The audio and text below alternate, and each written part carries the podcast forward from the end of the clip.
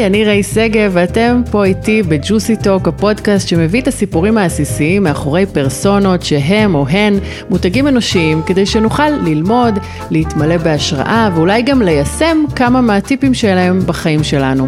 הפעם אני מתארחת אצל שרית קליימן, מותג אנושי שמשלב מצד אחד עולמות של אופנה, פרסום וזוהר, אבל מצד שני עולמות של בריאות, יזמות חברתית, עם חיבור לעולם החדש והמשתנה שבו אנחנו חיים וחיות. שרית. בוקר טוב. איזה כיף שאת מארחת אותי פה במשרדים של K-Health. המהממים. ממש מהמם פה, איזה ביתי וכיפי. ממש, ומלא ירוק. אני מתחילה כזה להתרגל להייטק. איזה כיף שככה, זו, זה, זו ההתחלה, כן, אז כיף ממש לארח אותך כאן. את היום מנהלת חוויית עובד, אופרציה ואחריות חברתית בחברת K-Health, אבל עד לפני ארבע שנים ניהלת את סוכנות סולו, אה, מייצגת אה, מאפרים, מעצבי שיער וסטייליסטים במשך 17 שנים. מטורף. איזה התמדה, זה הכי עולם ישן. מטורף. כאילו להיות 17 שנים באותו זה מקום. זה אפילו 20 שנה באותו עולם, וואו. זה היה מטורף. כן, כן, ומשם אנחנו מכירות בעצם. נכון, נכון, נכון, כי אני הייתי מיוצגת לאיזה כמה חודשים ביולי. נכון. ויולי, וסולו שייך... סולו חברת בת של יולי בעצם. נכון. וככה אנחנו מכירות. ככה הכרנו, ולימים נהייתי גם סוכנת, אז הבנתי ממה התמודדת במשך כל השנים האלה. ממש. אז אנחנו נדבר על אה, מסלול הקריירה שלך, ועל אה, נושא חם מאוד, שמעניין אותי באופן אישי, זה המעבר להייטק וההסתגלות לעולם המשתנה. וכמובן, איך לא, נדבר על העשייה החברתית שלך. ב-2016 גייסת מיליון דולר עבור ניסוי חדשני לטיפול בטרשת נפוצה. אה, זה היה פרויקט שקראת לו העוגן שלי, וזה היה עבור אה, גיוס של... אה, כסף מ- לניסוי כסף. בשביל להכניס 20 נסיינים לתוך ניסוי. שאחד מהם uh, זה אריה. הבעל שלי כבר היה בניסוי, ואני החלטתי לצאת למסע, לגייס מיליון דולר ל-20 נסיינים נוספים. אז אה, נדבר מטורף, על זה. מטורף, מיליון דולר, מה זה? מיליון דולר, מטורף. וואו. Uh, אז, אז כל זה, ואת גם אשת משפחה, ומספיקה לקום כמה פעמים בשבוע בחמש בבוקר כדי לשחות. לגמרי. בטח אומרים לך הרבה שאת סופר וומן, לא? מה התלונה? עכשיו שמנית את כל הדברים, אז זה נראה לי סופר וומן, אבל uh, את יודעת, זה... נראה לי שפשוט uh, כל כך הרבה דברים בחיים שלי, יש לי מין איזה מוטו כזה שמקסימום זה יצליח. אז אני פשוט מנסה. זה נראה לי מין uh, יאללה. אז אותו הדבר עם השחייה, את יודעת, לפני שמונה שנים לא ידעתי לשחות. בכלל? כמעט בכלל. למדתי, אבא שלי לימד אותי, כשהייתי בת חמש או שש, אה, חזה, וזהו, זה מה שידעתי. אה, בעקבות איזה שיקום אחרי ניתוח שעברתי ברגל, אמרתי, התאהבתי בשחייה, בכלל, במים. והרגשתי שאין לי את הכלים, לא ידעתי לשחות כמו שצריך, ופשוט הלכתי ללמוד אה, חתירה. וכל הזמן אמרתי, מקסימום זה יצליח. היום אני כבר שוחה מלא, אז על אותם הדברים, זאת אומרת, זה פשוט, אני לוקחת פרויקטים ואני אומרת, מקסימום זה יצליח. וזה מצליח, כי בסוף אם שמים איזשהו יעד ברור, אה, גם על השחייה, למשל היעד היה ארבע בריכות, חתירה רצוף. זה היה היעד. קטן. קטן, לא. קטן. זה היה העניין, מיליון דולר, מיליון דולר, זה לא קטן, נראה לי כזה קטן. וואו. אז נראה לי שאת יודעת, אותו דבר עם ההייטק, אותו דבר עם הזה, פשוט שמתי פרויקטים ומקסימום זה יצליח, כזה. טוב, אנחנו עוד מעט נצלול פנימה וככה נבין באמת אה, מה עשית ואיך עשית, אה, ואיך זה קשור למיתוג אישי, שזה כמובן הנושא של הפודקאסט הזה, אז... אה, אז זאת אומרת, טיפ אה, ראשון זה פשוט כאילו להגיד כן, לצלול למים, אה, ממש.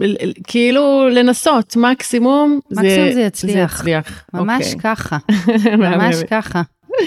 אז בואי נתחיל ככה לדבר על הסיפור שלך מההתחלה, איך הגעת בכלל אה, לעולם האופנה.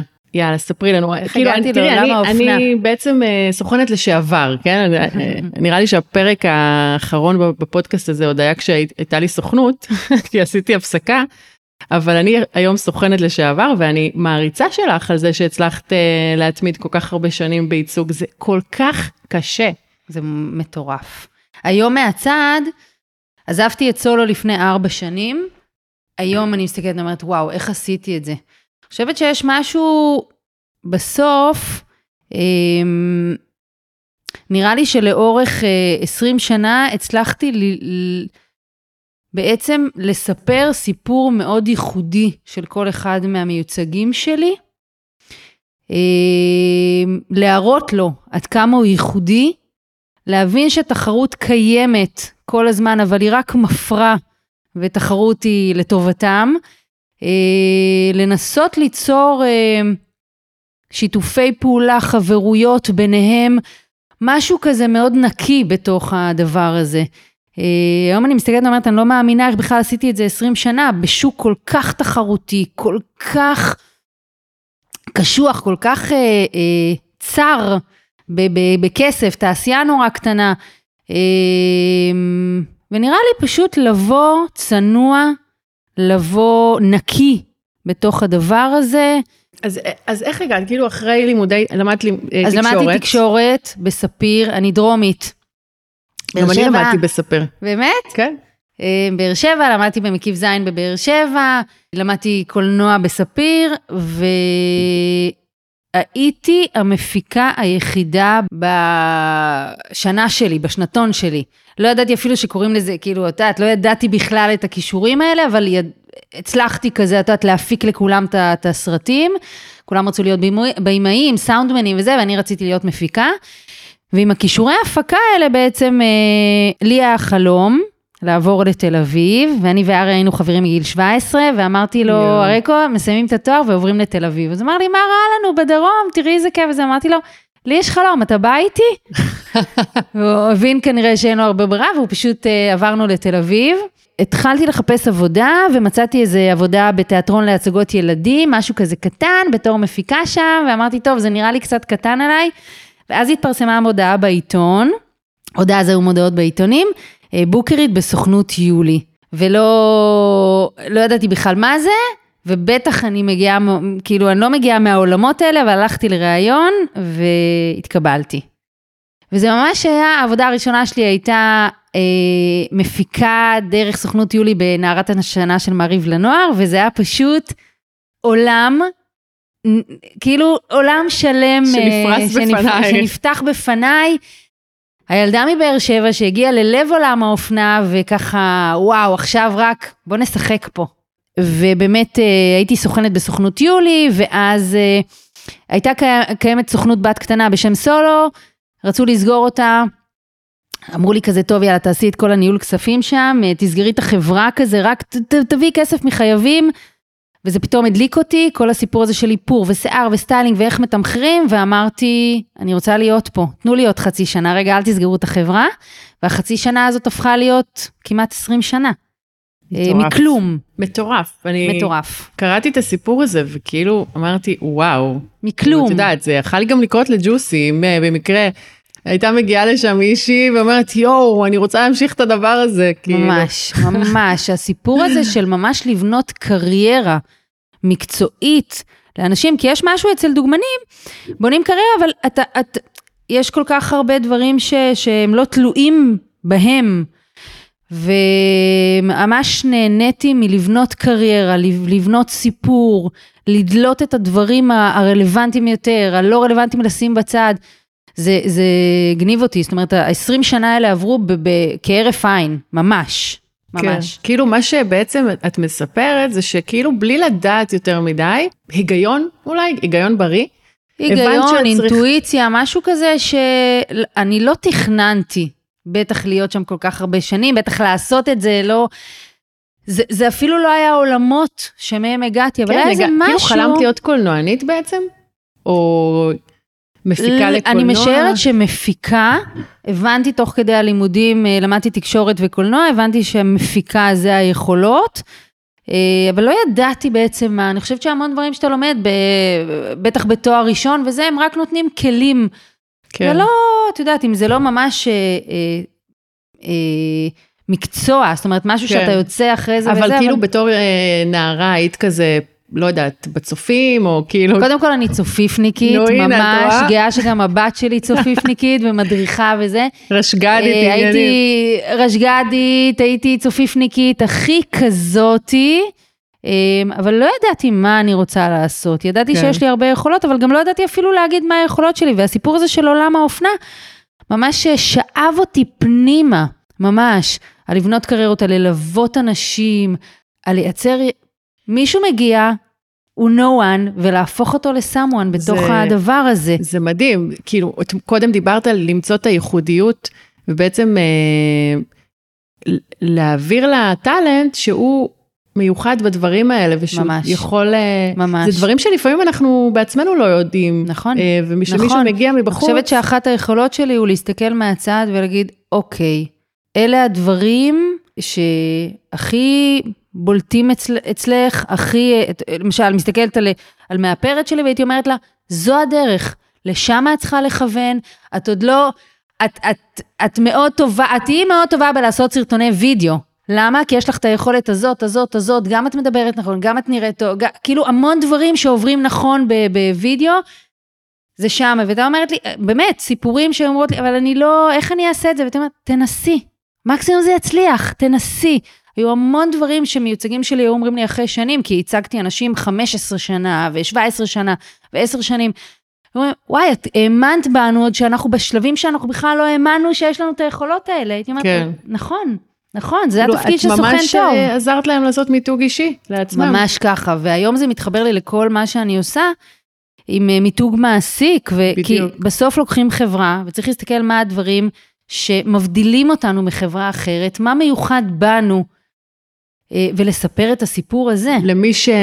למי שלא יודעת או יודע, אה, יש תחום יחסית אה, טרנדי וחדשני אה, בעולם ההייטק, שנקרא מיתוג מעסיק, ואת רוצה להסביר על זה קצת? בעצם מיתוג מעסיק הוא מקצוע די חדש בהייטק. אה, אני חושבת שזה מקצוע כזה של החמש שנים האחרונות, והוא היום אחד המקצועות הכי מדוברים. מיתוג מעסיק בעצם מדבר לקהל אה, של עובדים, בעצם לספר את הסיפור של החברה לעובדים, גם לעובדים שקיימים בתוך החברה, גם לעובדים בחוץ שמחפשים עבודה, וגם לעובדים פוטנציאליים בכלל, של, שעוד לא מחפשים עבודה, שעוד לא יודעים, אבל בעצם להג, ל, ל, ל, להגדיל את המודעות על החברה. ושטוב אה, לעבוד שם, ש... שנעים שטוב. לעבוד שם. מה היתרונות בלעבוד שם? מהמם. כל חברה מספרת סיפור אחר, ייחודי לה. מישהו מספר את הסיפור של הטכנולוגיה, ומישהו מספר את הסיפור של הכיף לעבוד שם, ומישהו מספר, את יודעת, כי המשרדים, כי המסיבות, כי הזה, היום זה כבר פחות שמספרים- אה, עובד, אבל... לגמרי, אבל כל אחד מספר סיפור אחר. כל אחד כן. מספר את הסיפור, הערכים, את הערכים, את הצוות. המשמעות. כן. בקיי, המוצר שלנו הוא הערך. מנגישים מידע רפואי. אז כל, כל חברה מספרת גם כמה סיפורים. כן. את האנשים שנמצאים פה, את הנשים שנמצאות בו, כל חברה, יש לה, את יודעת, את הייחוד שלה, וזה הסיפור בעצם. אז ה marketing מספר, מד- מדבר ליוזרים, למי האנשים שקונים, הלקוחות. משתמשים במוצר שלנו, הלקוחות. ומיתוג מעסיק בעצם מספר לעובדים. בראש ובראשונה לעובדים שלנו, כן. שזה בעצם משהו שעשית בסולו. שזה מה כי שעשיתי גרמת בסולו. לסולו להיות הסוכנות הכי נחשקת, בעצם, טוב, הרבה שנים הייתה יחידה.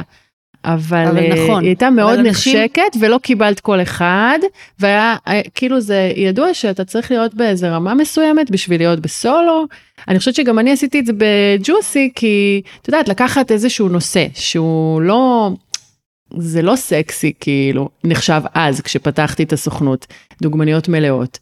plus size, ולהפוך את הסוכנות לסוכנות שהיא fun, שהיא צעירה, שהיא מגניבה, שהיא סקסית, נכון. שהיא up to date. אני חושבת שהסיפור הוא גם לספר את הסיפור של כל מיוצג בנפרד, הסיפור הייחודי לו, וגם את הסיפור של הסוכנות.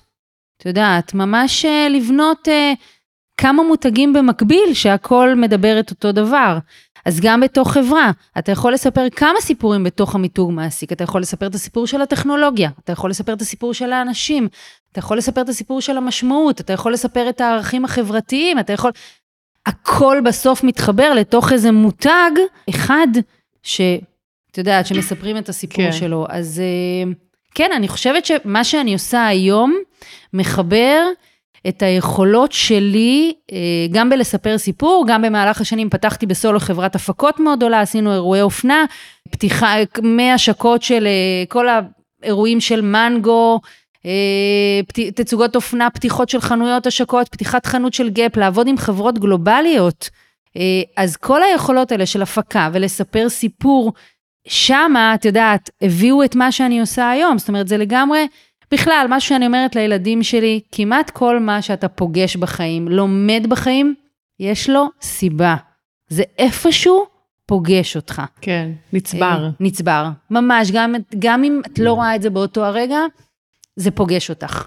כן. אני ממש מרגישה שאני ממש אסופה של כל השנים, ניסיון, כישלונות, אכזבות, אה, הצלחות, של, של, של הכל. כן. תגידי, איך אה, התמודדת בעולם האופנה עם כל האגו והאינטריגות וכל הדברים האלה שאת מאוד שונה מזה? זאת אומרת, שמכירים אותך, כזה, אה, מה הקשר? אני חושבת שהבאתי, אני חושבת שהבאתי משהו אחר.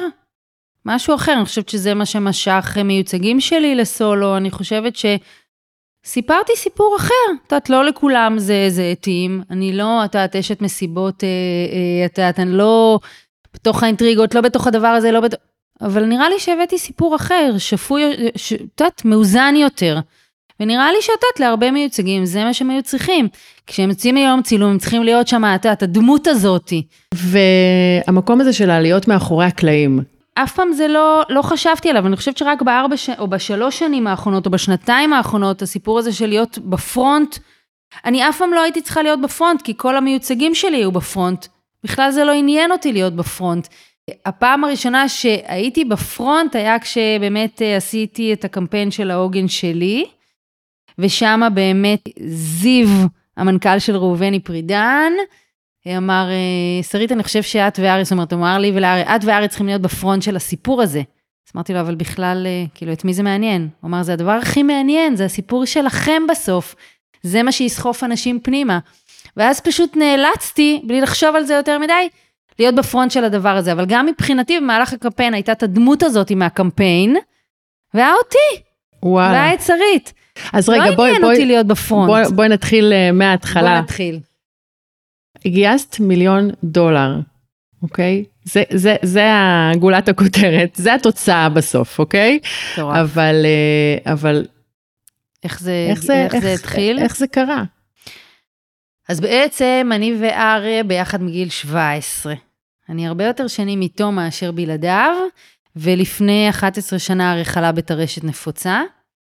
אה, בעצם טרשת נפוצה זו מחלה אה, שפוגעת בחומר שעוטף את העצב.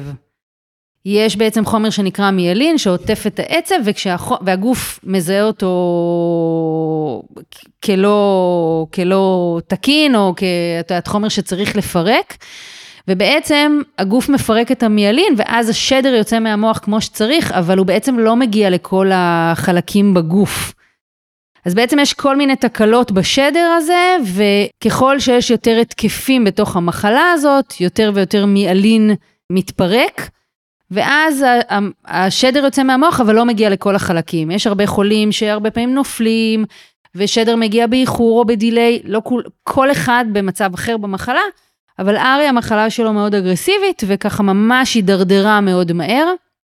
ובערך שש שנים אחרי או חמש שנים אחרי שהמחלה מאוד הידרדרה, פנינו ל, ל, לרופאים שלו, ואמרנו, אוקיי, זה לא יכול להמשיך ככה, כאילו לא יכול להיות שהמחלה ככה מידרדרת, ומה קורה פה? הוא כבר ישב על כיסא גלגלים, הוא בקושי הלך, ממש, זה היה... אה, ואמרו, הרי מטופל כמו שצריך. והוא מקבל את התרופות הכי טובות שיש היום בשוק, וזה מה שיש. כאילו, לצערנו, הוא נפל בסטטיסטיקה. הכי אגרסיבי, אבל זה מה שיש. אנחנו ישבנו ערב אחד במרפסת ואמרנו, אם אנחנו לא מקבלים מענה בארץ, אנחנו יוצאים לכל העולם לחפש. וכתבנו מיילים לכל, אה, לפני שש שנים, שלחנו מיילים לאיזה 20 מרכזי טרשת בעולם. אנחנו זוג מישראל שהמצב מידרדר ואנחנו רוצים לחפש, אה, אנחנו מוכנים לבוא אליכם, תספרו מה יש, יש משהו? ואחרי שלושה שבועות קיבלנו מייל ממנהלת אה, מרכז טרשת בפריז, והיא אמרה שיש, שאנחנו מוכנים לנסוע לכל מקום בעולם, שיש שם ניסוי פורץ דרך בתאי גזע, ושניסע לירושלים. וזה היה כזה, כן, בדיוק הפרצוף שאת עושה, גם אנחנו עשינו, חבל שאי אפשר לראות. נפלה לנו הלסת. וואו. איך יכול להיות שאנחנו יוצאים לכל מקום בעולם, מוכנים לחפש, וזה נמצא 40 דקות מהבית, ואף אחד לא מספר לנו בארץ על זה. ואפילו ביקשנו ממנה אם היא יכולה, כי התקשרנו למערכת התורים של הדסה לקבוע תור, וקבעו לנו לעוד 11 חודשים, היא יכולה בבקשה לקבוע עם פרופסור קרוסיס, הרופא שמנהל את הניסוי הזה, אם היא יכולה להקדים לנו את התור בהדסה. וואו. כזה. וואו. והגענו לפרופסור קרוסיס, מנהל המחלקה של טרשת, ואכן הוא עושה, אז הוא התחיל לגבש קבוצת נסיינים, אה, 30 נסיינים, אה, בניסוי הכי פורץ דרך בעולם בטרשת נפוצה, אה, של השתלת תאי גזע, מה, מתאי הגזע של החולה, משתילים בעצם את אותם התאים של החולה, אה, דרך עמוד השדרה, ואריה התאים בדיוק לקבוצת הנסיינים שלו. וזה היה מטורף. מבחינתי, מבחינתנו, אני הייתי יכולה כזה, וואו, לשבת אחורה, להגיד, בואנה, יש לי שני ילדים קטנים. אה, אריה אה, התקבל לניסוי, חיפשנו בכל העולם, היינו מוכנים לנסוע, באמת, לכל חור שיגידו, זה בסוף 40 דקות מהבית, תירגעי, עוד מעט יתחיל את הניסוי, והוא יעמוד על הרגליים. ואני, אה, כל הזמן היו לי מלא מלא מלא שאלות, מה זה אומר, למה יש רק שלושה, 30 נסיינים, למה לא, סיפרו לנו על זה, למה אנחנו צריכים לנסוע, למה היינו צריכים לחפש בכל העולם, ולא אומרים לנו פה, ואיך זה יכול להיות, ומה זה, היום קצת יותר קל בגלל הקורונה, אנשים מדברים, ניסוי, כן. ו- ותרופה, וכל מיני דברים כאלה, וכל מיני שלבים בתוך ניסוי, לא הבנתי כלום. ואמרתי, הבן אדם היחיד שיכול לענות לי על התשובות האלה זה רק פרופסור קרוסיס, והתקשרתי למערכת התורים של הדסה, ונתנו לי תור לעוד שמונה חודשים, ואמרתי, טוב, no way. ונסענו יום אחד, אני וחברה שלי, לימור, ליום כיף בירושלים, ואמרתי לה, לימה, בואי נעצור בהדסה, נדפוק לו בדלת, כאילו בטוח יש, הוא בטוח יפתח, כאילו הוא בטוח שם, ואם לא, אז מקסימום המשכות לירושלים.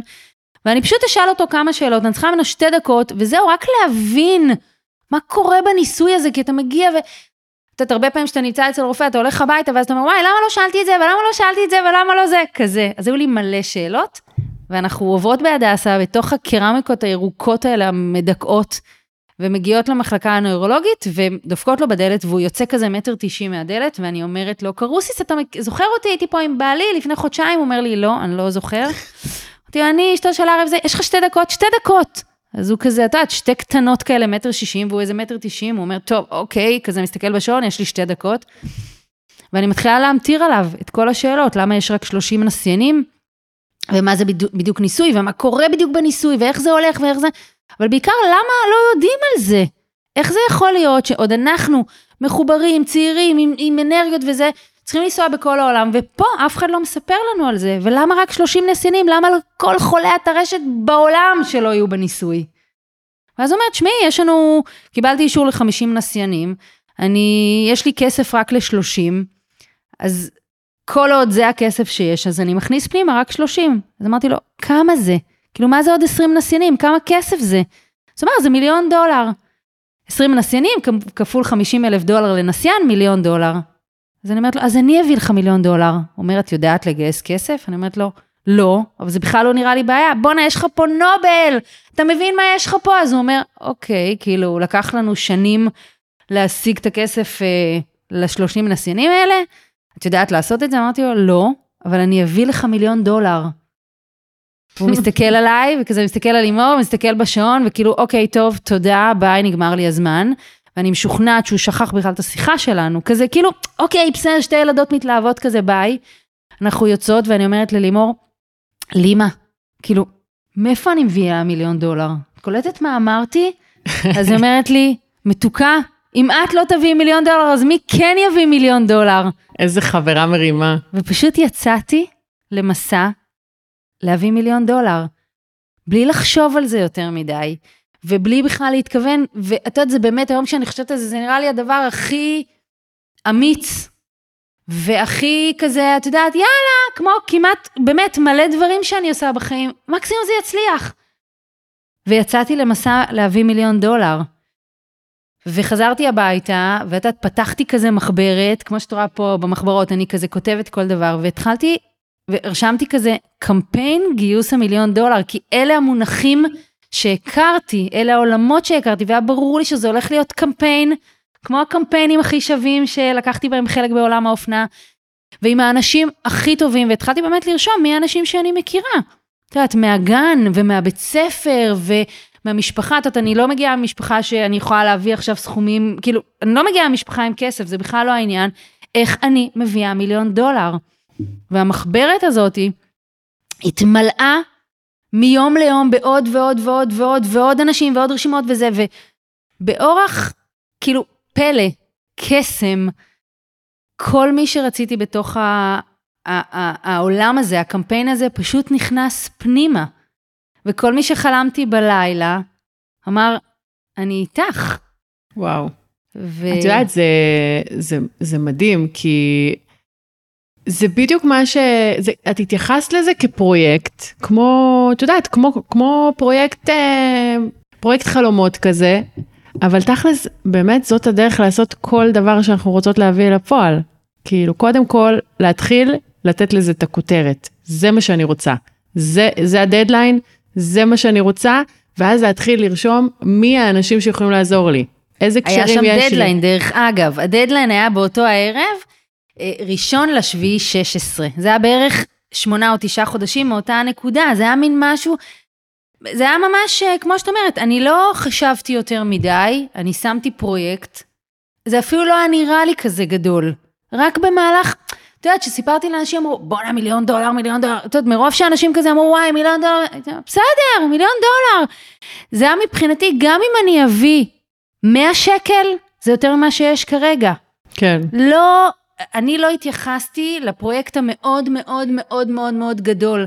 עם המון אינטואיציה ידעתי, התגלגלתי מאיך שאני חושבת שצריך לעשות את זה, אבל את יודעת, הגיעו, אני כזה אספר רגע בשביל איך בכלל עשינו את זה.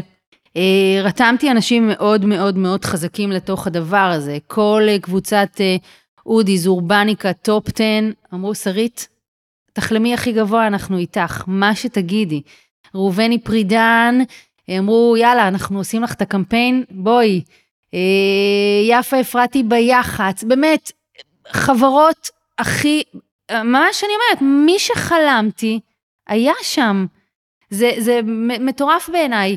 והסיפור גם הוא, ראובני פרידן אה, באו עם קמפיין מבריק שנקרא העוגן שלי, שמדבר גם על החיבור ביני לבין ארי, את יודעת שאני העוגן שלו והוא העוגן שלי, וזה כל כך טעם בדיוק את הסיפור שלנו, אבל היו גם הצעות לפני זה שהן היו פחות מדויקות.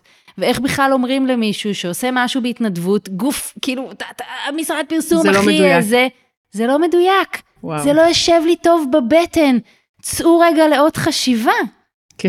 איך בכלל, את יודעת, הדבר הזה שאני האונר של הרעיון הזה, אני האונר של הקמפיין הזה, ומי שרוצה להיות בפנים, מבחינתי זוכה. זו הייתה החשבה מההתחלה, אמרתי, זה ברור לי שזה הולך להיות וואו. בלי לדעת כלום. אני הולכת לעשות את זה, הדבר הכי נחשק שיש, הכי זה... וראובני בראו עם, ראובני באו עם באמת, כאילו קונספט מדהים של העוגן שלי, ובאו עם קונספט של, אה, אני ידעתי מההתחלה שצריך להביא איזשהו פריט שימכר בכל מיני מקומות, ואנשים, אם הם, אם הם, את יודעת, יתחברו לרעיון, הם ירצו לקנות את הפריט הזה, אבל גם אם לא, הם ירצו שזה יהיה להם, כי זה יהפוך להיות פריט מאוד נחשק. כן. והיה ברור לי שזה צריך להיות קשור לעולמות האופנה, וזה היה קש... משהו שמחבר את העולמות שלי.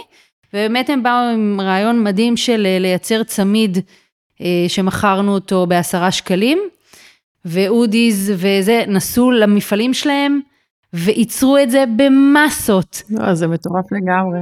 טוב, וזה, כאילו, את יודעת, מישהו שעכשיו מגיע והוא לא בעולם הזה, ואין לו את הקשרים האלה, מבינה? אבל אני אגיד לך מה, גם לי כשהגעתי לעולם האופנה, לא היה את הקשרים. את יודעת, אני סיפור באמת של מישהי שהגעתי מבאר שבע, ממקיף זין בבאר שבע, לא היה לי שום קשר לעולם האופנה. כמו שאחרי זה גם לא היה לי שום קשר לעולם ההייטק. אבל יש משהו בדבר הזה שתאמין תצליח, תהיה חרוץ, תהיי חרוצה, תצליחי. כזה, אני לא מאמינה בקיצורי דרך, זה אף פעם לא עבד לי. נכון, כשהגעתי לעשות את קמפיין העוגן שלי, כבר היו לי המון המון המון קשרים, אבל זה היה קשרים של עבודה מאוד קשה של 20 שנה. כן. עבודה מאוד קשה ובעיניי גם מאוד הוגנת, כי כנראה שאם לא הייתי עושה עבודה טובה לפני זה, אף אחד לא היה מוכן להירתם לצבא הזה של העוגן שלי. כן. אז יש איזה משהו בסוף שעובדים מאוד קשה, בונים קשרים, מין איזה משהו של, את יודעת, הגעתי לשיא, ב, ב, באמת, רתמתי בטח את כל עולם האופנה, אבל הרגשתי שגם רתמתי חצי עולם אה, לקמפיין של העוגן שלי, אבל זה היה באמת אחרי עבודה מאוד קשה. פשוט לקחתי את כל מה שעשיתי ב-20 שנה לפני זה, פשוט מקסמתי את זה לאיזה בום אחד כזה אה, מטורף. כאילו לחשוב שמתוך, מעשרה שקלים לצמיד אפשר להגיע למיליון דולר. זה ממש היה ככה. זה מטורף. הצמידים נמכרו ב-450 נקודות מכירה. ווישוז ורנואר ואדיקה, וכמובן כל החנויות של אודיס ואורבניקה וטופ 10, ובאמת, חברות התקשרו ואמרו, תני לנו צמידים למכור, והייתי אומרת, אין לי, אני לא מספיקה, אנחנו לא עומדים בקצב ייצור. ואתה, הדבר הכי מרגש היה לראות חשבוניות של עוד צמיד ועוד צמיד, ופתאום מאיזה חנות, אה, מאודי זה, זה, קנו 20 צמידים ושולחים לנו את החשבונית, זה היה כמו, אתה, תחשבי, עשרה שקלים ועוד עשרה שקלים. ועוד עשרה שקלים, ו-350 סלבס שאומרים, אני איתך, בואי, כל הסוכנים שעבדת איתם במהלך השנים אמרו, שרית, ברור, אנחנו נביא לך את כל הטאלנטים, כולם, מה שתרצי. אני זוכרת את זה. וווג איטליה, אה, חודש אחרי שהשגנו את הקמפיין, יצא, ב, ב, הוציא כזו ידיעה שפריט, האוג, אה, ש, שצמיד העוגן הוא הפריט האופנתי של אותו הקיץ. וואו. בלי קשר בכלל לקמפיין שלנו, הדבר, הכל התחבר, זה היה כמו איזה בום מטורף. אה, הופענו במשחקי כדורגל, בגיא פינס, בחדשות. היו גם מלא כאלה שאמרו לא, זה לא עבד עם כולם. היו כאלה שהתקשרתי ואמרתי אני עושה את זה, והם אמרו, אמ, לא, פחות, זה לא מתאים, זה לא מתאים לחברה, זה לא זה, ומבחינתי בכלל לא הייתה לזה שום משמעות. לא, הלאה, הלאה, הלאה, היו לי רשימות באמת של כאילו כל חברה שרציתי להגיע אליה, מוויקס שעשו לי את ה... את יודעת, שעזרו לי, באמת, כל חברה, ואנשים אומרים לי, אבל איך עשית? מה, הרמת טלפון ל... ל... לא יודעת, למנכ"לים של החברות? הייתי אומרת, כן, מקסימום זה יצליח. תגידי, ומתי הגעת למיליון דולר? מתי, באיזה תאריך? שמתי את הראשון לשביעי כיעד, כן. ובראשון לשביעי עבר הכסף להדסה ונגמר הקמפיין. אבל מתי הגעתם למיליון? שמונה דולר? חודשים אחרי. שמונה חודשים מהרגע שאמרתי לקרוסיס, אני אביא לך כסף, נגמר הקמפיין, הכסף עבר. מתי הולכת לצאת סדרה בנטפליקס? זה, זה אחלה תסריט יכול להיות, כן? אחלה תסריט. אחלה תסריט. או ספר, או... את יודעת, מטר שישים, שמצליחה להזיז עולם, ממש, זה... אה, איך באמת לא קפאת באותו רגע שאת יודעת שהמצב של אריה מידרדר, ויש לך כאילו סוכנות שאת מנהלת גם ב... בשני ילדים בשני קטנים. ילדים בבית, כאילו, אנשים קופאים במצבים כאלה, את יודעת, מקבלים את המצב כמו שהוא.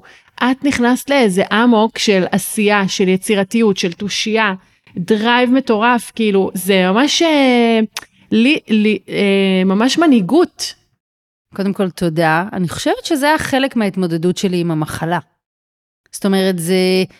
כאילו, במקום לחשוב, עכשיו אה, במקום, להתאבל. את, לשקוע בתוך הדבר הזה, ואת יודעת, אה, אני לרגע, אוקיי, כל מי שעושה את זה, אין לי שום, אני רגע לא, את כל אחד מתמודד, מתמודד אחרת עם, ה, עם הסיטואציה. אני חושבת שזה לגמרי היה ההתמודדות שלי עם המחלה, אני לא יכולתי, חושבת שנקודת המפנה הייתה מבחינתי, שהרופאים אמרו, זה מה שיש. ופשוט ויתרו על אריה, אבל הם ויתרו עלינו. ומבחינתי, אני סך הכל רציתי שהבעל שלי יחזור לעמוד במטבח, לאפות, להחזיר איזה ריח כזה של עוגות שמרים שהיה לנו כל הזמן בבית. אני רציתי דברים מאוד פשוטים עד היום. אני כל הזמן אומרת, החלומות שלי הם כל כך פשוטים, את יודעת, הדברים האלה, בטח כשקורים דברים כאלה, הם, הם מאוד, את יודעת, פשוטים, קטנים. את יודעת, אני רוצה שהבעל שלי יעמוד במטבח, זה הכל. לא מחפשת עכשיו אה, דברים גדולים, ואני פשוט חושבת ש, שיש יעדים ברורים, אז קל לנוע אליהם. זה כל העניין, אני לא חושבת שיש פה, את יודעת, כל הזמן אומרים, את מעוררת השראה ואיזה יופי ואיזה זה וזה.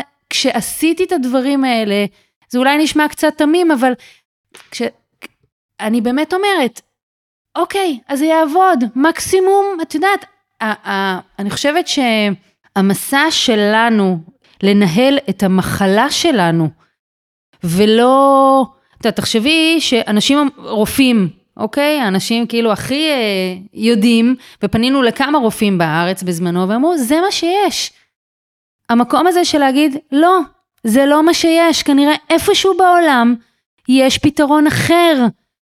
לצאת נגד המערכת בעצם. כן. ומערכת שיודעת, אנחנו לא ידענו אז.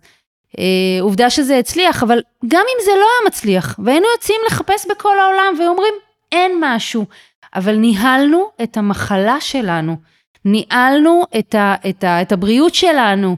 הניסוי בסופו של דבר לאריה לא עבד. אני הכנסתי זה... עוד נסיינים לניסוי, והתוצאות היו מצוינות של הניסוי, אבל הניסוי לאריה לא עבד. שזה הכי מטורף. זה הכי מטורף, אבל מבחינתנו היה מאוד קשה נפשית להכיל את זה, ממש. אבל uh, זה שאנחנו בחרנו להתמודד עם זה, לנהל את זה, לבדוק אופציות נוספות, לא, לא לוותר, לא להקשיב. עד היום את מחפשת אופציות נוספות? כן, כן.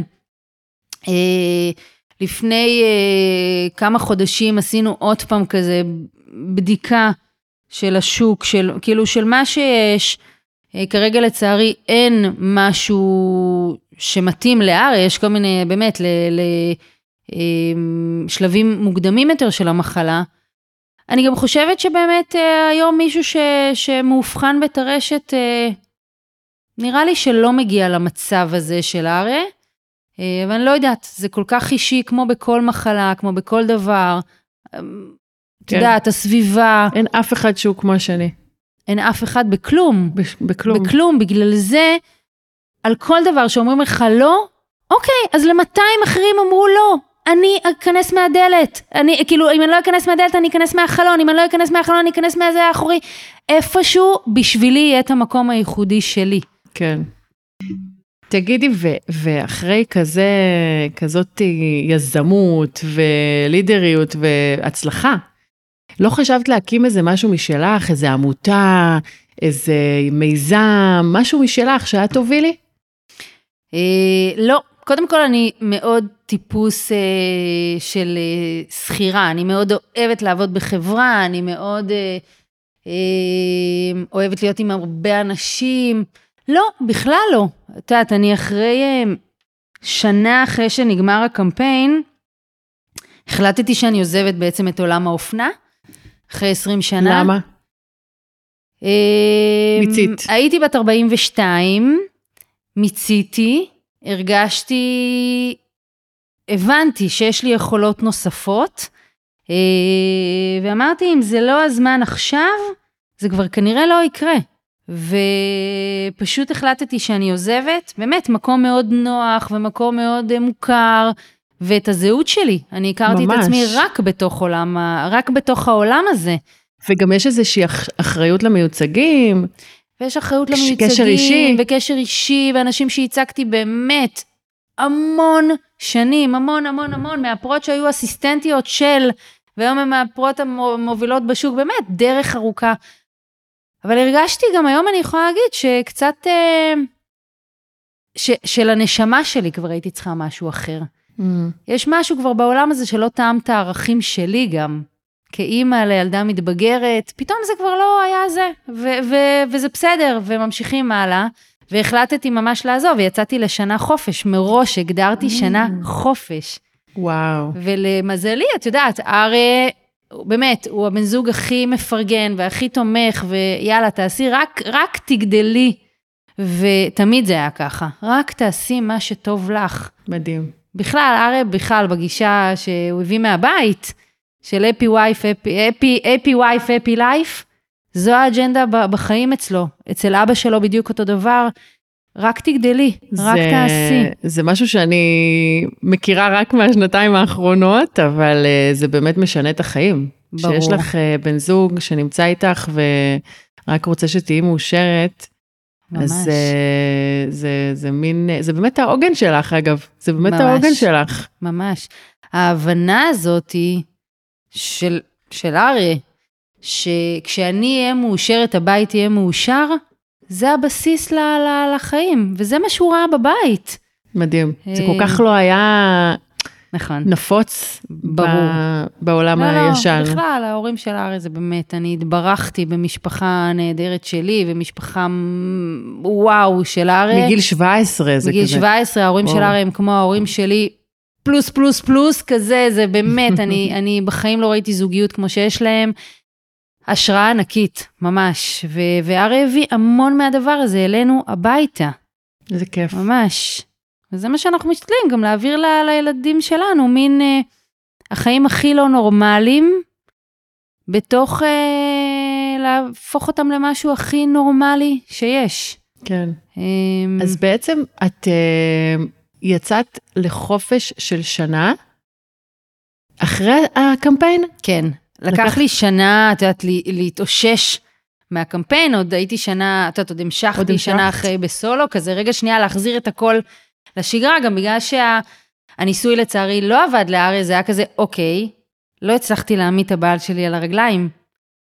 אז מה עושים? זאת אומרת, בכלל לבנות תשתיות בבית שלנו אה, של עזרה מבחוץ, הבאנו פיליפינית שחיה איתנו מאז, ואיך עושים את זה? זאת אומרת, את כל האנרגיות שלי הייתי צריכה בכלל לטייל למשהו וואו. אחר, פתאום לא הצלחתי להעמיד את האריה לרגליים, לא הצלחתי להחזיר אותו לאפות עוגות שמרים. כאילו, איך, כאילו יש פה הצלחה אדירה, ולצד זה תחושה של כישלון בעצם. אני לא? אגיד לך מה, בערב הראשון, ראשון, ראשון, שחזרתי מפרופסור קרוסיס, הרמתי טלפון לנעמי סטוצ'ינר. נעמי סטוצ'ינר היא אימא של חבר שלי, מאוד טוב, גיורא, והיא הקימה את, אה, את בית איזי שפירא. באמת, אישה שאין לי אפילו מספיק אה, סופרלטיבים להגיד עד כמה האישה הזאת היא מדהימה, והעשייה החברתית וכל מה שהיא עשתה, באמת. והרמתי לה טלפון וסיפרתי לה על השיחה הזאת. היא אמרה לי, שרית, גם אם אריה לא בניסוי מאיזושהי סיבה, כי הוא, הוא התמיין לניסוי ואמרו שהוא נכנס, אבל את יודעת, עד שהתחיל הניסוי אז לקח עוד זמן, אה, גם אם הוא לא בסוף בניסוי, וגם אם זה לא עובד עליו, את הולכת על זה? אז אמרתי, תשמעי, נעמי, את, את ברמקול, אני ואריה כזה עושים את השיחה ביחד, כמו כל דבר שאנחנו עושים ביחד. אמרתי לו, רקו, מה אתה אומר? אנחנו הולכים על זה גם אם זה לא עובד? אז הוא אמר לי, נראה לי שכן, מה את אומרת? וואו, אז אמרתי, נראה לי שכן. אנחנו הולכים על זה גם אם זה לא עובד. יואו. יש לי צמרמורת. ממש. זה נורא מרגש. ה- נכון, ונעמי ליוותה אותי לאורך כל הקמפיין ועוד אחרי, ו... וכן, חלק מהעניין הוא גם שזה לא, שזה לא יצליח. שזה כן. לא יצליח. וזה קשה ממש, ממש ממש ממש, אבל זה חלק מאולי זה כן יצליח, זה בדיוק העניין. כן. אז כאילו, אפילו... בהתחלה שהצגתי את הנושא הזה, אמרתי, "ה- השורה התחתונה זה כאילו התוצאה, השגתם מיליון דולר.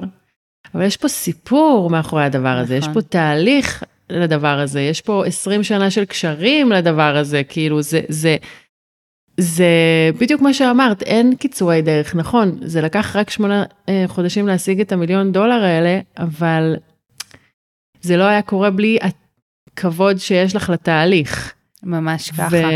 וגם את יודעת, מסתכלים מהצד, אומרים, בואנה, שמונה חודשים, מיליון דולר, וואי, איזה זה. לא, זה בסוף, הש... ה- את יודעת, כמו שאמרתי קודם, זה אסופה של כל החיים שלי לפני.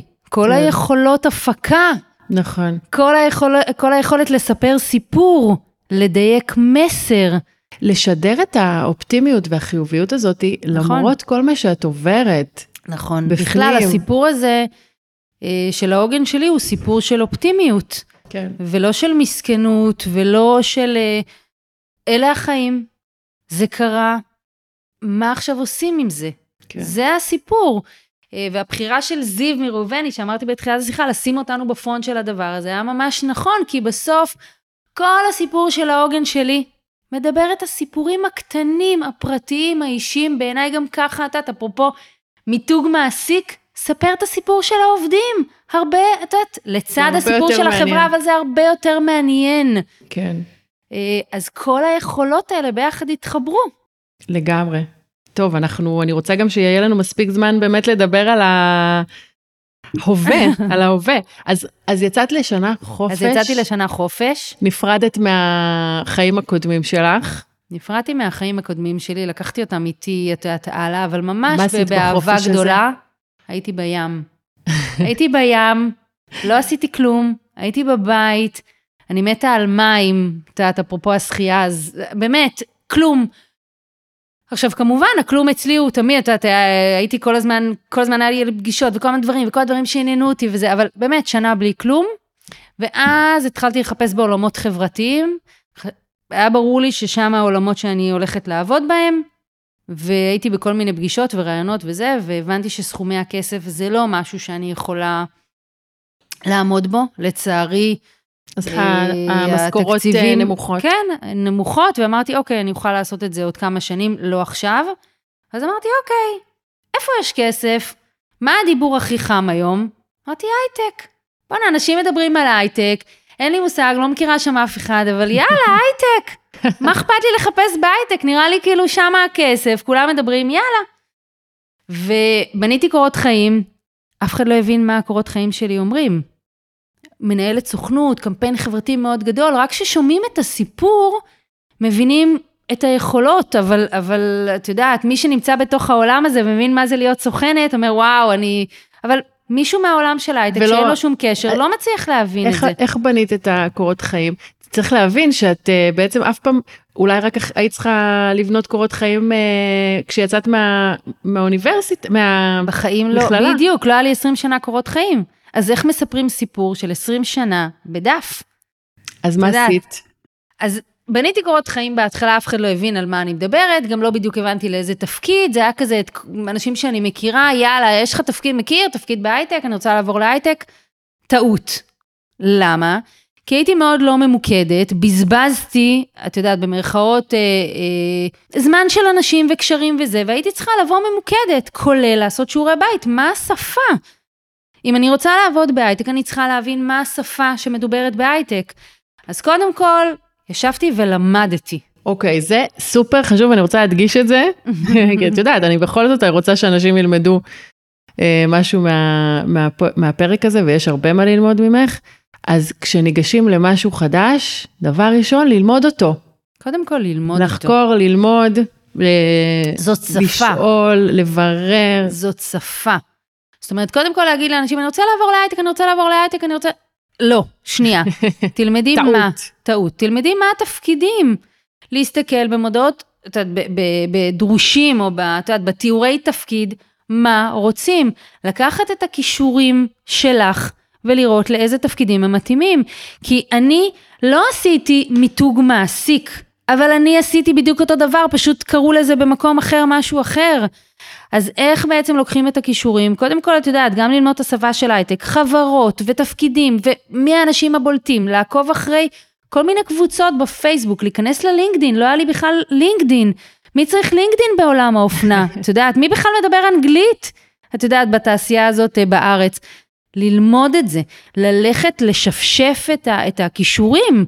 אם את לא מספיק טובה באנגלית, לכי תלמדי אנגלית. אם אין לך אה, חשבון טוב בלינקדין, לכי, ת, ת, ת, ת, ת, תלכי למישהו שיעזור לך. היום כבר זה לא כשאת אה, חיפשת עבודה, היום יש המון המון אנשים שהם מנטורים, נכון. אה, ומלמדים איך לחפש עבודה. יותר ויותר, בגלל מצוקת, בגלל שיש יותר משרות מאשר אנשים, אז הבינו שצריך לפתוח בכלל את העולם הזה לאנשים שהם לא בתעשייה, בטח גם זה שמדברים היום על זה שגיוון, בסוף בשורת הרווח של החברה, גיוון מביא עוד, את יודעת, עוד, כן. אה, עוד פרנסה. כן, אה, חברה מגוונת, מביאה יותר אנשים פנימה, מביאה יותר דעות, מביאה יותר איזה, באמת, שנייה עוד רגע נגיע לזה, אבל ללמוד, להבין את השפה, להגיע נטול אגו, Mm. להגיע ממש, את יודעת, אני, כן, את, את ניהלת סוכנות, אני ניהלתי ואחר סוכנות, כך עשית קמפיין עשיתי קמפיין מטורף, חברתי מאוד, ואת זה- מותג, הייתי מותג בעולם האופנה, אבל זה ממש, הייתי צריכה להתחיל מאפס, ואז אמרתי, אוקיי, לאיזה משרה הכי תתאים לי? נראה לי שניהול משרד. אנשים היו אומרים לי, את תלכי להיות מנהלת משרד? הייתי אומרת, כן, מה אכפת לי? אני צריכה להיכנס להייטק, לא אכפת לי מאיפה. אפרופו הדלת, הכניסה האחורית, החלון, אני רוצה להיכנס להייטק. אף אחד לא ייקח אותי היום, כי אני לא, אני לא מכירה את השפה. אז אני אכנס בתפקיד שאולי הוא לא בדיוק למידותיי, mm-hmm. או קצת שונה ממה שחשבתי, אבל אני אכנס פנימה. וככה הגעתי ל-K, והגעתי לכאן כמנהלת משרד. תפקיד ראשון. תפקיד ראשון, כמנהלת משרד, דרך אגב, עכשיו חגגתי שלוש שנים ב-K, זה התפקיד שלי, מנהלת המשרד, אחראית על, את יודעת, על, על להזמין את האוכל ולהזמין את ה... את ה לדאוג שיש לכולם מפתחות, לדאוג למי שמגיע, לדאוג, הכי, את יודעת, אפילו לפגישות. באמת, אנשים אומרים לי, את מנהלת משרד? הייתי אומרת, כן, ואני מתה על זה. כי מבחינתי זו הייתה, זה היה השער שלי לעולם הזה. Mm-hmm.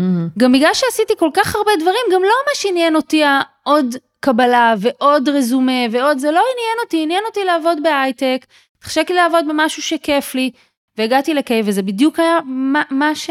כאילו זה ענה על כל הדברים, בטח המוצר שלנו. תספרי רגע, אה, כשחיפשת עבודה, אז היה לך חשוב איפה תעבדי, או שאמרת, אני צריכה להיכנס להייטק, לא משנה לי איפה. ובמקרה נפלת לקיי, אני... או שבחרת את קיי בגלל הערכים והמוצר ו... אני אגיד לך מה, קודם כל לא היה אכפת לי, זו האמת.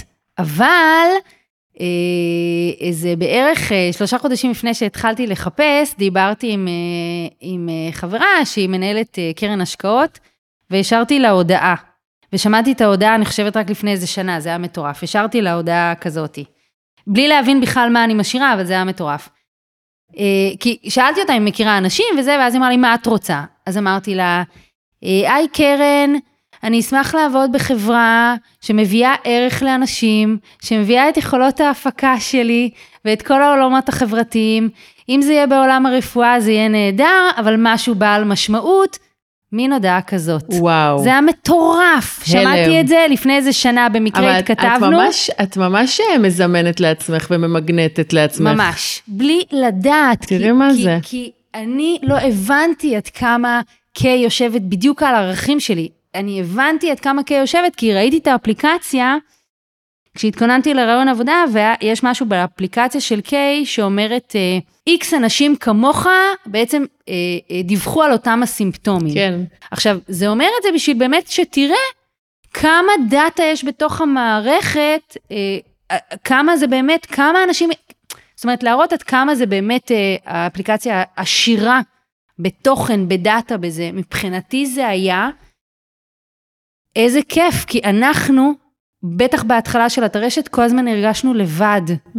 והיה שם משהו בתוך הדבר הזה של כמה אנשים כמוך יש, או כמה נשים כמוך יש, פתאום הרגשתי לא לבד. אמרתי, איזה מזל, שמה אני אמצא בדיוק את מה שאני ארצה. וזה ממש היה ככה. קיי בדיוק מביאה את העולם, אה, אה, את, ה, את המהות ומשמעות שאני מדברת עליה, ואת יודעת, והיום בדיוק, משרדים בתל אביב, היה לי הכי נוח להגיע, בדיוק, באמת, זה היה כאילו, אבל לא, אני לא יודעת אפילו איך כיוונתי לפה, כן. כי באמת, כאילו אמרתי בהתחלה, טוב, הייטק. לא דיברתי אז על מהות ומשמעות, אבל כנראה כן. את יודעת, בתוך ה... כן.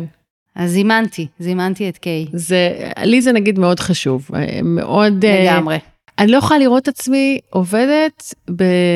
את יודעת, אני אולי כן בסוף, אבל אני לא יכולה... כאילו, אני מדמיינת את עצמי עובדת בחברה שיש לה אה, מוצר שעושה טוב לאנשים, בדיוק מה שאת אמרת, משהו עם משמעות, שאת יודעת שאת יכולה לקום בבוקר לעשייה שהיא doing good. נכון, גם אני.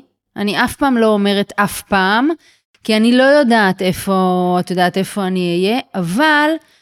אני חושבת, וזה באמת משהו כזה ל...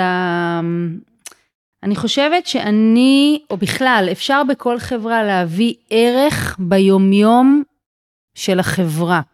זאת אומרת, גם אם החברה היא, את יודעת, לא, המוצר שלה לא משנה חיים, או משנה עולם, או את יודעת, אה, אפשר להביא המון המון המון ערך בעשייה חברתית אה, יזומה. את יודעת, זה מה שאנחנו עושים גם ב-K, אבל עושים את זה בעוד המון חברות, באמת, את יודעת, תוכנית של אחריות חברתית, שממש, את יודעת, שאתה משקיע בקהילה. בעיניי היום כל חברה חייבת, חייבת לתת החוצה.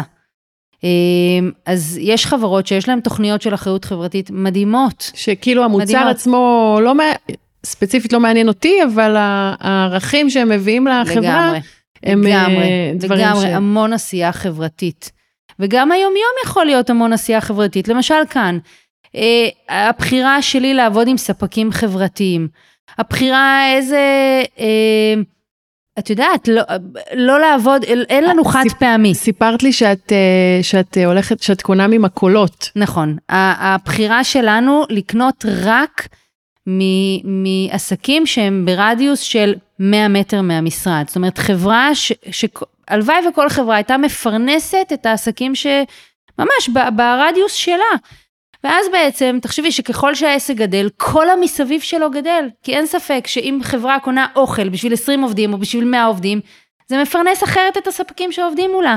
אז קודם כל, את יודעת, אנחנו יוצאים לבר כל פעם בחודש, זה רק ברדיוס של הליכה כאן, מהמשרד. מדהים. רק. יש לי תגיד- מלא דוגמאות. תגידי, אה, ו- וזה ערכים שכבר היו בחברה, או שזה דברים שפשוט בחירות שלך, שאת יכלת לבחור אה, לקנות עכשיו מסופר, או אונליין איפשהו, והחלטת אה, לעשות את הבחירה הזאת באופן אז עצמאי. חלק מהדברים זה, אה, את יודעת, בסוף לעשות תוכנית אה, אחריות חברתית, זה בחירה של ההנהלה, ההנהלה צריכה לתמוך בזה, את יודעת, אנחנו, אנחנו עושים שיתוף פעולה, תוכניות מנטורים עם עמותת קווין בי, עם את, זה זמן של עובדים, זה כסף. ההנהלה חייבת, את יודעת, לתמוך בזה. אבל למשל הסיפור הזה של קניות, אנחנו כבר, מאז תחילת הקורונה לא נכנס לפה אף ספק גדול בקניות. הכל ממקולות פה. זה הרבה יותר עבודה שלי, או של הצוות שעובד יחד איתי, אבל זו בחירה שלי. ההנהלה תומכת פה לגמרי. הבחירה שלי שלא יהיה פה חד פעמי. הגעתי לפני שלוש שנים, אמרתי, לא יכול להיות שיש פה חד פעמי בכלל. את יודעת, יש מגירה קטנה עם חד פעמי למי שבכל זאת מחליט להשתמש בחד פעמי, ברור, אבל כל הזה פה זה כלים רב פעמיים. אז זה- הרבה יותר עבודה, זה יותר שעות מנקה, והרבה יותר אה, שעות מדיח, והרבה יותר התעסקות, והרבה יותר בלאגן במטבח, והרבה יותר את התעסקות של כלים שנשברים וזה וזה. אז מה? זו הבחירה שלי, לא רק זה. כשאני עושה רכש של הכלים למשל, אז אנחנו לוקחות את העגלה והולכות פה ללווינסקי, וקונות כוסות וצלחות וסכו"ם וזה, מאחד העסקים הקטנים פה. ולא נכנסת לאיזה אתר אונליין של אחת החברות הגדולות, לוחצת send, יאללה ביי. הרבה יותר עבודה לנו, אבל בסוף מבחינתי, הדברים האלה, אלה הערכים שאני רוצה ככה לחיות, ואם אני יכולה להשפיע, גם אם זה בקטנה, על האנשים שסביבי, זכיתי. אם כל אחד וכל אחת מאיתנו היו עושים את הבחירות הקטנות האלה, נכון? אז העולם היה נראה אחרת. כן, את יודעת, אבל בסוף, את יודעת, אני לא... כמו שאת יודעת, אני עושה את מה שאני יכולה לעשות. כן. כל אחד בסוף את יודעת מחליט משהו זה, אז, אז באמת, את יודעת, אפי האוור, הבחירה שלי איזה ספק, בעיקר ספקית להביא. אני עובדת בעיקר עם 70 אחוז ספקיות, בעיקר עם כאלה שיש להם, את יודעת, כמובן עסקים קטנים, את יודעת, כל מיני, אה, אה, כל מיני, את יודעת, ספקיות, זאתי של עוגיות וזאתי של כל מיני דברים. אה, להעסיק, אה, להביא ספקים אה, של אה, נכויות, מוגבלויות, כל הדברים האלה, בסוף זה על אותו תקציב, ב-employee experience, את יודעת, בחוויית עובד, שאתה עושה happy hour, שאתה עושה אירוע שזה, במי לבחור. אני משתדלת, יש אה, רשת של בתי קפה חברתיים שנקראת קפה טוב, מקסימים, שירות מהמם, הכל מהמם, אוכל טעים. מעסיקים אנשים עם בעיות אה, אה, נפש, מכשירים אנשים לשוק העבודה. קונה מהם מלא. זו הבחירה שלי על מה להוציא מ- כסף מדהים. פה. לא, זה חשוב לדבר על זה, זה חשוב. אז אמ, בדיוק אני- דיברנו על זה קודם, שאני משתתפת באיזה פאנל בשבוע הבא. ותמיד אני אומרת, היתרון שלנו כ... כסייט יחסית קטן, את יודעת, לעומת חברות מאוד גדולות של 3,000 עובדים וכזה, הרכש פה יכול להיות רכש חברתי, אני יכולה לבחור עם מי אני רוצה לעבוד. לא בטוחה שאת יודעת, החנות בלווינסקי הייתה יכולה עכשיו לספק לי 4,000 צלחות, אבל אם אני צריכה עכשיו 100 צלחות, איזה כיף. זה ה... אז הכנסתי עולם שלם בהתנהלות היומיומית כאן, חברתי. מקסים, ממש מקסים. כאילו שזה את הבאת את עצמך, את האופי שלך, את הערכים שלך לתוך הארגון. שגם ככה את מאוד מתחברת לערכים שלו, אבל, אה, אבל יכלת באמת אה, ליישם פה דברים שהם אה, אישיים ממך ולהפוך את התפקיד לשלך. לגמרי, ו- כן. דרך אגב, אני חושבת ש... יכולת של מעסיק, של מנהל, לקחת את, ה, את המקסימום של העובד שלו, לאו דווקא בקטע המקצועי, ולמקסם ולחבר, זה הדבר המדהים, את יודעת, אני כן. הגעתי עם עולם חברתי מאוד עשיר. את יודעת, אם, אם המנהל שלי היה אומר לא, או המנהלת, לא, צריך לקנות מפה, לא צריך לקנות מפה, רגע, שנייה, דקה, כזה. על כל תפקיד, על כן. כל תפקיד, וזה העניין גם בגיוון, ולהכניס אנשים שהם לא רק people like me. כי ככל שיותר אנשים נכנסים מעולמות אחרים, העסק מרוויח ומביאים את עצמם. את היצירתיות. את תביאי את עצמך אחרי עולם האופנה, אחרי הסיפור האישי שלך, אחרי, את יודעת, זה שפתחת עולם שלם בתוך עולם האופנה. את תביאי בסוף את כל הדבר הזה, את כל האוסף הזה, לתוך תפקיד חדש. כן. ותביאי את, את עצמך פנימה. זה הסיפור של גיוון, זה כן. העניין להביא כמה שיותר אנשים לתוך ארגונים. בסוף בשורת הרווח זה עובד, זה מוכיח את עצמו. מהמם. תגידי, ומאז שהתחלת לפני שלוש שנים, התקדמת, נכון? מה... נכון, אז אני עושה היום בעצם את כל ה-employee experience, את כל החוויית עובד. זה אחד הדברים המגניבים שיש בהייטק, שאתה יכול מאוד מהר להתקדם. זה לא כמו העולם הישן, ששנים עד שעושים לך לאבא זה, ושנים עד שמקדמים אותך. נכון. בטח בחברות שהן מצליחות, אז נפתחים המון תקנים, נפתחות המון משרות.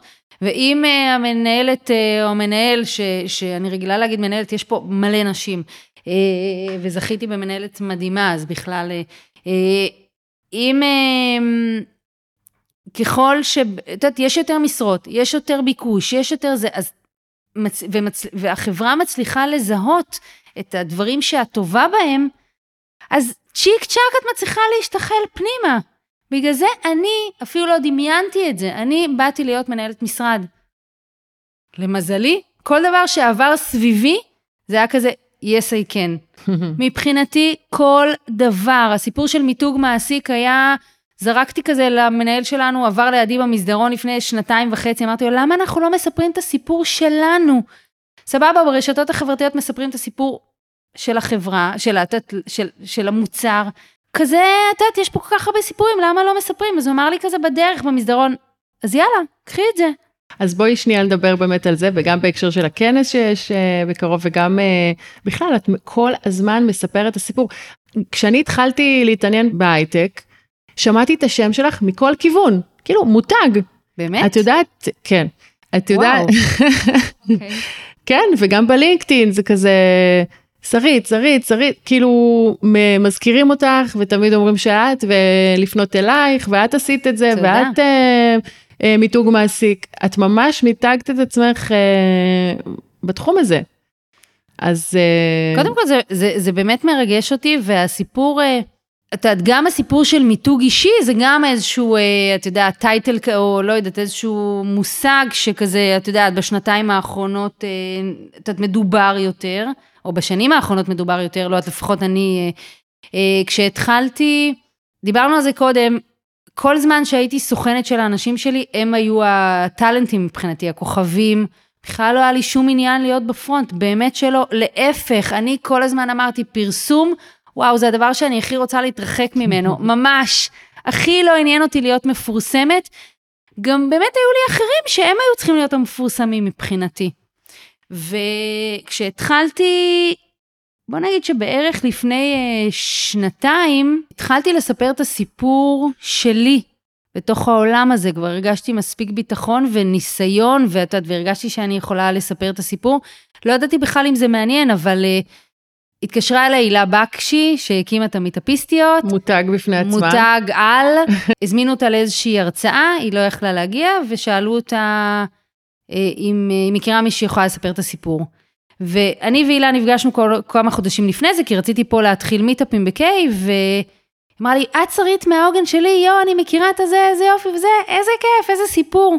כן, סבבה, אני זה, ואז היא התקשרה, אמרה לי, שרית, תשמעי, רוצים אותי להרצאה בעוד שבוע, אני לא יכולה, תספרי את הסיפור שלך. אמרתי, אבל על מה אני אספר? מה, תספרי על העוגן. אמרתי, אבל אף פעם לא סיפרתי על זה. אמרה, בסדר, אז יש לך שבוע. זהו, ביי. ובזכות הילה התחלתי לספר את הסיפור שלי ממש, ו- והייתה הרצאה, והתגובות היו מטורפות על העוגן שלי, באמת פעם אחת, פעם ראשונה שהסתכלתי כזה, את יודעת, אחרי כמה שנים על הסיפור הזה, הבנתי שיש בו משהו מעניין, והסיפור הזה של המעבר להייטק, פתאום אנשים שאלו אותי, איך, איך עשית את זה? עכשיו, לי זה היה נראה כזה כמו עוד מלא דברים שאני עושה, סבבה, מקסימום זה יצליח, אבל זה נורא עניין אנשים. ובטח בקורונה, והתחלתי לספר את הסיפור הזה של המעבר להייטק, והסיפור של העוגן שלי, ואיך הדברים מתחברים, והתחלתי לכתוב על זה, ובכלל, כשכתבתי את המיני, ההרצאה הזאת שלי, פתאום גיליתי יכולת כתיבה בעצמי, אני בכלל לא ידעתי שאני יודעת לכתוב. פתאום אמרתי, וואו, זה לא כזה מסובך כמו שחשבתי, וזה כזה די קולח, ויאללה, נתחיל לכתוב. ולאט לאט, והנה את אומרת, אבל את יודעת, לאט לאט, באמת אז זה התחלתי בעצם להיות... בשנתיים האחרונות. בשנתיים האחרונות התחלתי לכתוב. את יודעת, אני לא, לא את יודעת אם כותבת אני... באופן קבוע? זהו, שאני לא, לפעמים כשיש לי מה לספר, כזה. אז יש דברים, את יודעת, לאחרונה כתבתי למשל על החיבור בין שחייה להפקה. להפקה. פתאום קלטתי איזה יום אחד באימון בוקר שהיה לנו את הסיזיפיות הזאת בתוך השחייה, ועוד דיוק ועוד דיוק ועוד דיוק, ועד כמה זה קשה, כדי שזה יראה מין קולח כזה, ואז אמרתי, בואנה, זה כמו הפקה. הסיזיפיות שלה לפני, ועד כמה זה, בואנה, ואתה מגיע להפקה, והכל נראה כזה נונשלנט, כאילו מין class באפס מאמץ, ובלי להבין כמה עבודה מאחורי הקלעים של הדבר הזה. אז את יודעת, אני רושמת על כל מיני דברים. כן. אה, לא יודעת אם אני עושה את זה לפי הספר, או אם יש בכלל ספר, או לפי, את עושה את זה מהאינטואיציה זה, שלך. אני עושה את זה מאוד כמו מהאינטואיציה שאת שלי. עושה כל דבר. כן, והנה, את יודעת, אם בסוף את אומרת, אה, גם אני זה, וגם אני חושבת כנראה שעשית את זה אולי, את יודעת, כי פשוט את רוצה לעזור לאנשים, אז את ומלא- נותנת מעצמך. ממש ככה. ואנשים פונים אליי גם על המעבר להייטק וגם זה, וכמו כל דבר, אין קסמים. בסוף מי שחרוץ מצליח, וצריך עבודה קשה, ואין קיצורי דרך, וצריך לבוא עם האנרגיות המתאימות ולהאמין שזה יעבוד. ולא יודעת, אני חיה באיזושהי תודעת שפע כזאת, גם פה, תמיד באירוח של קיי, תמיד אני אזמין מלא, ותמיד אני אזמין שיהיה מלא, ותמיד כאילו צלחות מלאות כאלה, ואת יודעת שיהיה כזה בשפע, וככה צריך לצאת לעולם. נראה שאת פשוט באמת נורא אוהבת את מה שאת עושה. את כאילו מאוד נהנית מזה, אה, את מרגישה שייכת, את מרגישה תשוקה. זה ממש ככה. נראית אישה מרגישה- מאוד אה, מסופקת ושלמה. תראי תודה. מה זה. תודה. ואת עוברת אה, חיים לא קלים. נכון. ואת יודעת, אבל זה, זה, אני חושבת שאת, איך, את יודעת, בסוף, באיזה, ה-point of view שלנו, על הכל, כן, על הכל. כן. בדיוק כתבתי הרבה- על זה שבוע שעבר, ריפריימינג. כאילו, איך את... איך את שמה את ה... ממסגרת את החיים שלך? כאילו, מה את שמה בתוך התמונה ומה את מוציאה החוצה? כי אנחנו יכולות אה, ממש. להחליט. זה ממש ככה. ממש ככה, מה מתוך, וגם כמה אנרגיה לכל הדבר בתוך התמונה. בוא נגיד, וכבר הכנסת את זה לתוך התמונה, כמה אנרגיה את משקיעה בתוך הסיפור הזה. כן. כולל לדעת מתי להוריד הילוך. את שזה הדבר מצליחה? הכי קשה לי. מצליחה ל... כמעט ולא, אבל הנה, בדיוק אה, אני בשבוע הבא אה, טסה לתאילנד, שבועיים, חופש. חופש. ואת לא לוקחת איתך לפטופ. כלום, איזה, כלום. מה פתאום? אני לוקחת איתי חמישה ספרים וגם זה נראה לי לא יספיק. וואו, ומי אה, מחליף אותך פה? איך, אפשר- איך עושים את זה? שבועיים? כאילו? בונה את כל התשתיות שהכל יעבוד, וגם אם זה לא יהיה אותו דבר, אז זה יהיה אחר, והכל בסדר. וחלק מהעניין הוא גם להבין שאנשים צריכים, את יודעת, זום אאוט לפעמים מהסיטואציה. כשהיית בסולו, היית יכולה, יכולת אה, לקחת חופש ככה של שבועיים? לא יודעת, אני גם עושה את זה כמעט לבד, מדהים. כמעט לבד. מדהים. בחיים לא נסעתי לבד, וגם עכשיו אני נוסעת עם חברה, חלק מהזמן, לא יודעת. אבל חלק מהזמן אני אהיה לבד. אה, חוויה.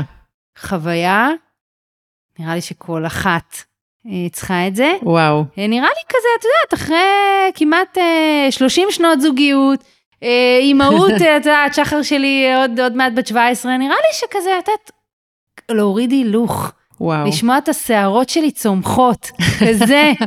לא, את יודעת, שאף אחד לא ידבר איתי. לסגור את הדלת של החדר, או לשבת בארסל במרפסת, או סתם להיות בים, או סתם לשים משקפת ורגע שנייה להכניס את הראש לתוך המים כמה זמן שאני רוצה. מין משהו כזה. את יודעת, בלי, חלום. אפילו בלי שום זה הכי מוזר לי לא לשים שום דבר בתוך האקסל של החיים, אבל זו המטרה של הנסיעה הזאת, לא לשים שום דבר באקסל. אה, חלום, פשוט, חלום, חלום. ממש, פשוט... את, וואי, כל כך מגיע לך. לנשום אוויר, כל כך מגיע לך. ממש. תגידי, אה, וואו, טוב, דיברנו פה על המון דברים. דיברנו על המון דברים, אני בכלל המון. לא יודעת איך אנחנו... אנחנו כבר שעה, כמעט שעה ורבע מדברות. וואו. אז בואי נסכם. אז בואי נסכם. יואו, התחלנו מלדבר עלייך ועל הסיפור שלך, איך הגעת לעולם האופנה, ככה החלטת ל- ל- לעבור לתל אביב, מצאת את העבודה הראשונה שלך, אופ, נפלת בסולו, ביולי.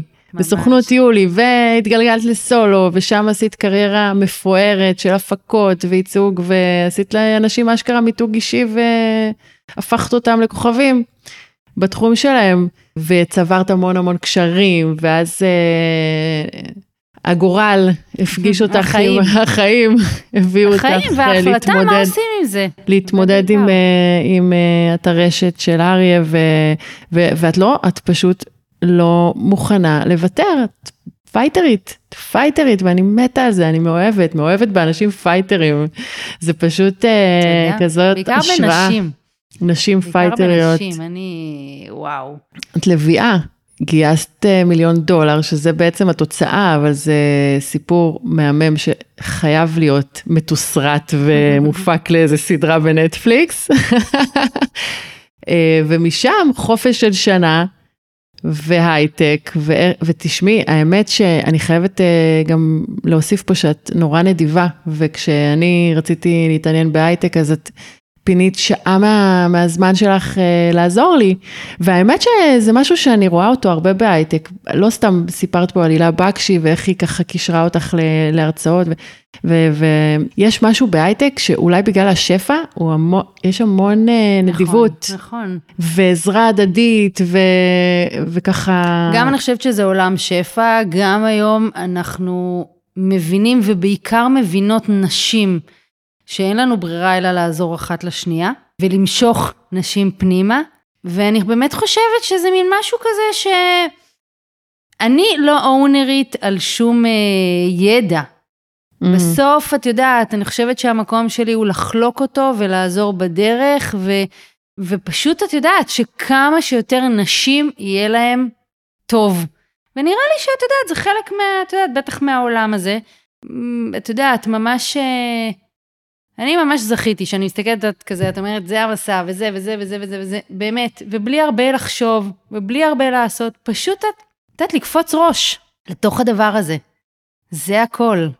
כן, השחייה מלווה אותנו מההתחלה עד הסוף, ממש, בסוף. כן. ממש. מדהים. והכי אני שמחה שאת יודעת, אני מארחת אותך כאן.